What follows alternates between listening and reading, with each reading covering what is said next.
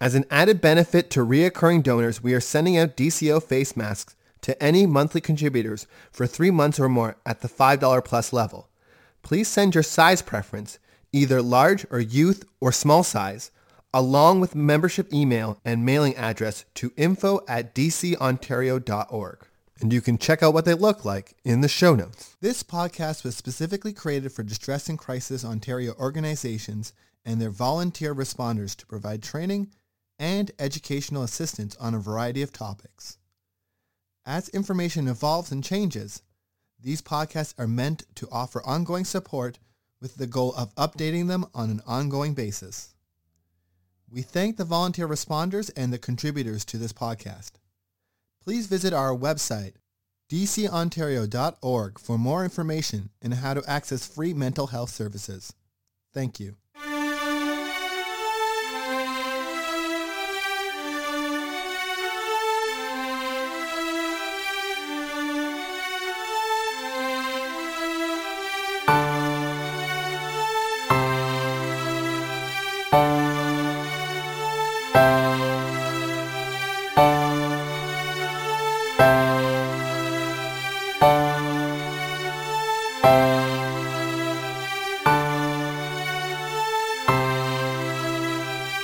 Hello, this is Caitlin Plant, Program Manager with Distress and Crisis Ontario. And this week I'm talking to a very good friend of mine who is a nurse about her experiences working as a nurse throughout COVID-19 and specifically to talk about resilience and recovery as Ontario starts, hopefully to move into opening up and finding our new normal.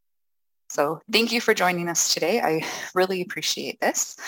Um, could you please start off by telling me a little bit about how COVID-19 has influenced both your professional and personal life as an OB nurse? So professionally, so I work in obstetrics in a really small hospital. So that means that we don't always have people in labor. And if we don't, then sometimes we'll be over on medicine or over on on emerg helping out other departments. So we get kind of like a hospital view most of the time, not just like an OB view, but like mostly OB related. All the, the visitor restrictions on a good note um, for moms and babies, I find moms are off like a little more like well rested. They're very apprehensive coming into hospital and I feel like they're kind of nervous to present to hospital, but we actually do like our antenatal appointments at the hospital. So they usually get comfortable in that environment and get to know us a little bit before they come in. So that helps with a lot of the fear around coming into a hospital during COVID. Mm-hmm. In the mm-hmm. beginning of COVID, I found people were really, really nervous to even come into hospital. Um, but then I find once they're there, because they don't have any visitors, especially first-time moms, I have a lot less of that second night mental breakdown because hmm. usually you come in, you have a baby, you spend that first night with your spouse and your baby. And then that second day is always full to the brim of visitors. Everyone comes in, wants to touch and hold your baby. People aren't sleeping. They're not really working on breastfeeding. They're not really getting to know like how postpartum feels. Mm-hmm. But with COVID and visitor restrictions, I find a lot of moms are just re- more rested. They're ready to go home when they go home. Mm-hmm. Um, but a lot of what we have to address when they do go home is like, who's your support system and like who's in your bubble and who's going to help you out when you get home. Just because again, they don't have that whole slew of visitors mm-hmm. more readily able to help. Is exciting. We have a lot of problems again on visitor restrictions. It's harder to have more family-centered care mm-hmm. because usually we would have families present during the day. We before COVID didn't really have visitor hours per se. If you came in, you came in, and if you had a loved one who was palliating, then you could spend the night, do whatever you wanted mm-hmm. to do that way. So I find families are like really frustrated with the visitor restrictions on like mm-hmm. in other departments. So just to clarify for anybody that doesn't know, what are the restrictions that are in place? So they're constantly changing, which is also one of the frustrations. During our lockdown phases, we had no visitors unless someone had a palliative score, which meant that they were going to be passing away quite soon. Then they could have a visitor. I think they could have two visitors but they had to be the same two visitors or something. It was, we definitely always had to look back at the policy and thankfully we have a person who's in charge of like all of the COVID things. So we could always refer people right over to them just so that none of us ever had conflicting.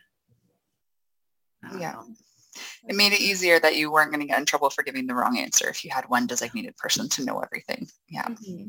And we had COVID screeners who were great and knew all of those policies. I feel like I knew the OB ones a lot better than I knew the medicine ones. Hmm. Yeah. What else did you say? How about in your personal life? What kind of impact did COVID have on that? Well, like obviously during lockdown, we straight up locked down. Our hospital went into outbreak at one point and at that point like we weren't able to cross departments which is it was kind of nice because like I wasn't going to an outbreak department and then dealing with moms and babies but also there was like a lot of guilt because I knew I wasn't helping. Hmm. and especially in the hospital that I work in we all really really like cross departments and help each other as much as we can. So I feel like there was a lot of guilt surrounding that. And then I know there was a lot of guilt with like my coworkers and everything who anyone who did get COVID or felt like they cared for those patients who were like our patient zeros for outbreak. Mm-hmm. Um, like they all felt really, really guilty about if anything, like if they did anything wrong. So there was a lot of that, but our, our group's pretty supportive that way. I don't know. We like personally at home, we both like didn't see anybody didn't do anything for like months and months, especially over the winter and during Ontario's lockdowns just to prevent anything. Mm-hmm. Um, we didn't see our parents, didn't we didn't really do Christmas. We didn't do Easter, Thanksgiving, or any of that kind of fun stuff. Mm-hmm. It was a lot of just overtime and staying at home. Yeah, that's fair. So you mentioned that you had someone who their specific job was to manage COVID policies. What else has the support system at your hospital been like in terms of making sure that you and your coworkers are all staying, staying safe and healthy, both mentally and physically? So there's a whole lot of like, we're in this together, which I is not exactly the most helpful. Um, but my manager actually has been like quite lovely. Um, all of our like managers and like that COVID manager has been super supportive, like super available to us. I know they have to deal with like policies and system issues, but they tend to like present themselves at least once a day and say like, hey, how are you? Do you need anything? Um, I guess that's what you kind of get in like a smaller hospital. Infection control was able to, especially when we went into outbreak, um, get us all like a little earlier on that vaccine list. So I was, I got both of my shots like super early on in that vaccine waterfall schedule thing that happened. And like I said, like our staff are really great with um, just kind of supporting each other and COVID took away a lot of control of people's situations. Yeah. Yeah. So a lot of people, I don't know. I feel like we were all like a pretty supportive group for each other. Mm-hmm. Like in the way of like not letting people feel super guilty and just kind of helping each other, like whatever department was busy or whoever had like a busier patient assignment, like someone was always able to come over and just give you a hand. Awesome. So what has been the most difficult challenge for you to overcome during this pandemic? Isolating patients is kind of hard because mm. you're clustering care to reduce your usage of PPE and it's all very logical and reducing your exposure. But just because someone's COVID positive doesn't mean like you shouldn't just go in and chat. Like mm-hmm. it's hard to find time to just chat with people, but still you kind of want to. So there's a lot of, it kind of makes it hard not to do those things. And then visitor restrictions and families have been quite upset, which I would be too, especially if your loved one is going to the hospital and they've looked unwell when you brought them in. Mm-hmm. Like you mm-hmm. want to see them and know that they're well. And hearing someone say over the phone like, oh, they look like this and they're acting like this and this is how so-and-so did today is genuinely just like not enough and it wouldn't be enough mm-hmm. for me. Yeah. all of that stuff is hard. Like just the mm-hmm. isolation part, which yeah. is like all of COVID. And then like seeing how genuinely unwell a lot of people are and still coming home and looking on your phone and seeing all of the no one's dying from COVID posts or my friend got COVID and they had these symptoms and it can't be that bad. Mm-hmm. Just a lot of people sharing a lot of like untrue information on social media and a lot of people kind of see that and think that it is accurate when they don't have a real accurate representation of how genuinely unwell people do get. Mm-hmm. Yeah, I can't imagine how hard that would be to have firsthand experience of, yeah, the worst of the worst of COVID and then going out and seeing, yeah, the people that are very much flaunting restrictions and, and giving their own opinion when they haven't been right there in the middle of it. Yeah. We don't genuinely see the worst of the worst very often. Mm-hmm. So because I work in such a small center, we don't see those terrible people. Like we would intubate them if they needed to be intubated and have them sent to a larger center. Um, I know that like a lot of my family and friends work either in long-term care, so I get some of their perspectives. And a lot of my coworkers volunteered and were sent to long-term care to help out.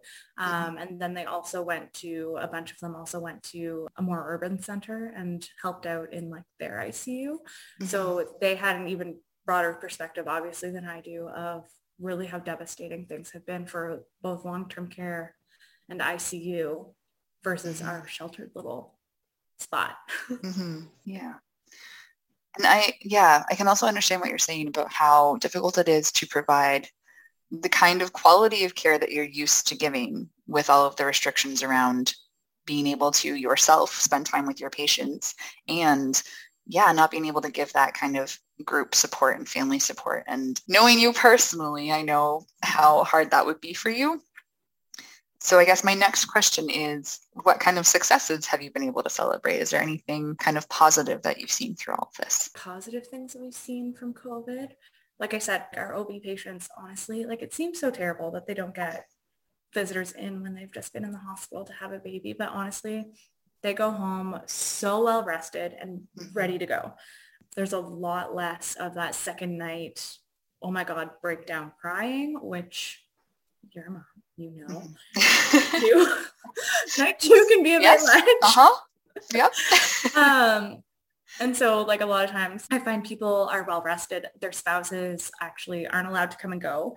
Well, I think they are this week just because of the end of lockdown. Um, but during lockdown and everything, their spouses weren't able to kind of come and go. So I saw a brand new appreciation out of a lot of husbands who I've seen before. Um, so like first time husbands, this is their only experience and they're like, oh my God, you're an amazing woman. But a lot of husbands I find would leave at the like for the first night because they're going to go home and get a good sleep and then they'll come back and see how you're doing during the day. Um, so a lot of women were totally comfortable and happy, um, just kind of making their way through without their significant other or a support person or anyone during the nights or for periods during the day. So their support person actually almost ended up being like a visitor or a guest um, mm-hmm. and not so much of a support person. But now I've seen a lot of spouses who previously have come and gone and now they've stayed that whole stay and been like, you went through these first few days like this, mm-hmm. letting me go home to make dinner. um, so like seeing that new partnership and support is really, really nice. Our community has been amazing with, especially during lockdown and during outbreak, they sent us a lot of different places sent us meals, which was nice. And then we also had like little things dropped off like moisturizer and stuff like that because honestly, the dry skin is real.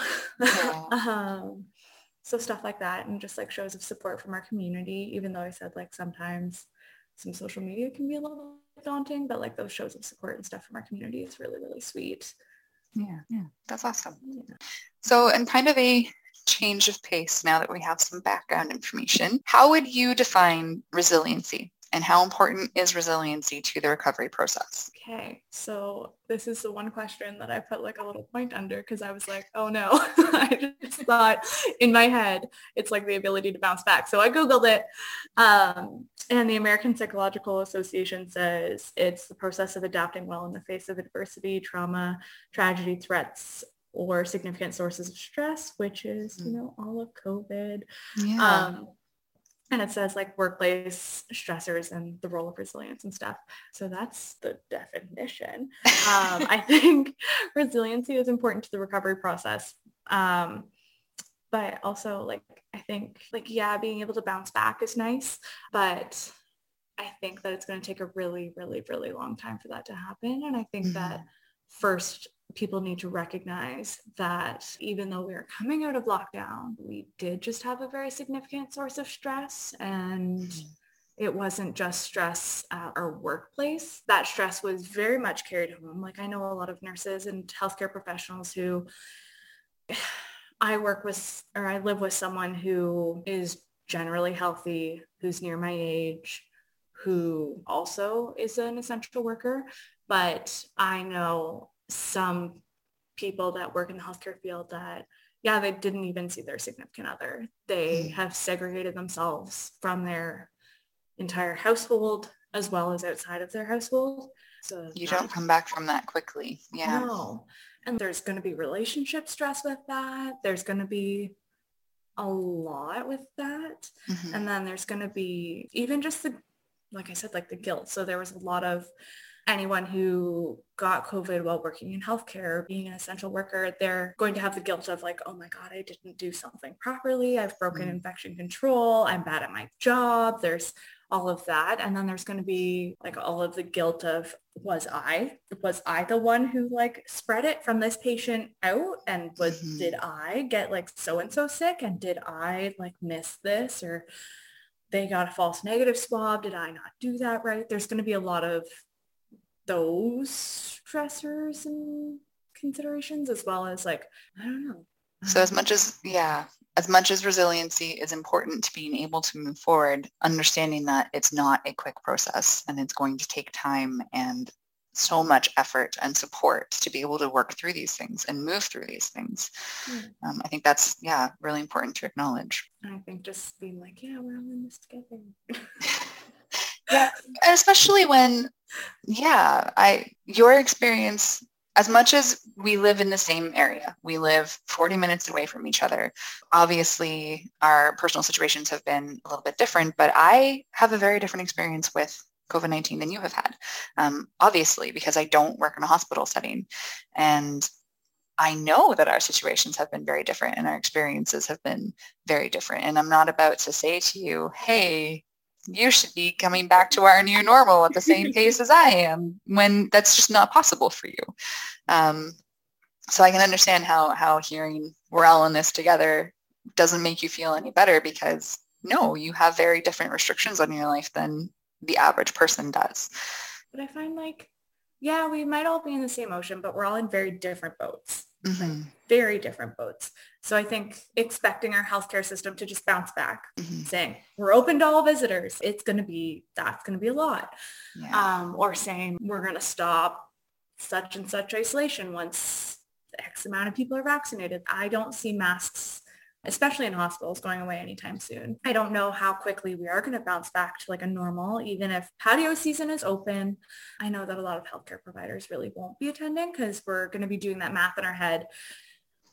Did I do everything absolutely perfectly during my whole shift? And did the person before me do everything absolutely perfectly? And did everybody mm-hmm. on my team do everything absolutely perfectly to make sure that the phone that I touched that one time for 15 seconds isn't going to be our spreading ground. Mm-hmm. Um, so we're all going to be doing that math in our heads. That's what's my risk evaluation for my last couple days of work? And is it appropriate for me to hit up a patio? Is it appropriate for me to go see that one friend who doesn't understand why I'm not ready to go to a party yet or any of that stuff? Mm-hmm. I think it's going to take a long time to really go back to normal. So we've kind of covered um, my next question in that answer, which was going to be if there's anything you would like people to keep in mind when interacting with medical professionals. So yeah, I think we've covered that pretty well in terms of making sure that people understand that none of this has been easy for you in the medical field. And coming out of this is not going to be easy for you in the medical field. And it's not going to be a quick process. And we need to have patience and we need to have understanding. And yeah, we need to know that those of you who work in the medical field work in the medical field because you are deeply caring people and you never want to put somebody in harm's way and the decisions that you're making are always going to be in our best interest and we need to understand and accept that mm-hmm. yeah so is there anything else that you would like to share that we haven't already covered uh, before we end this podcast think so. Mm. Well, thank you again uh, for doing this with me today. I really appreciate it. And it's been uh, very, yeah, enlightening to have your perspective on everything. Well, thanks. I hope I didn't humor too much. Thanks. Hi, I'm Damien, one of the editors of the DCO Learning Forums podcast. We are committed to providing the most current and up-to-date information. With your help, we can make it better. Please consider going to tips.pinecast.com slash jar slash distress dash and dash crisis dash ontario.com or by clicking the link in the show notes. And by donating, monthly contributors will be able to access a special podcast feed. In it, we'll have additional content and some more in-depth pieces on some of our most popular topics. Thank you.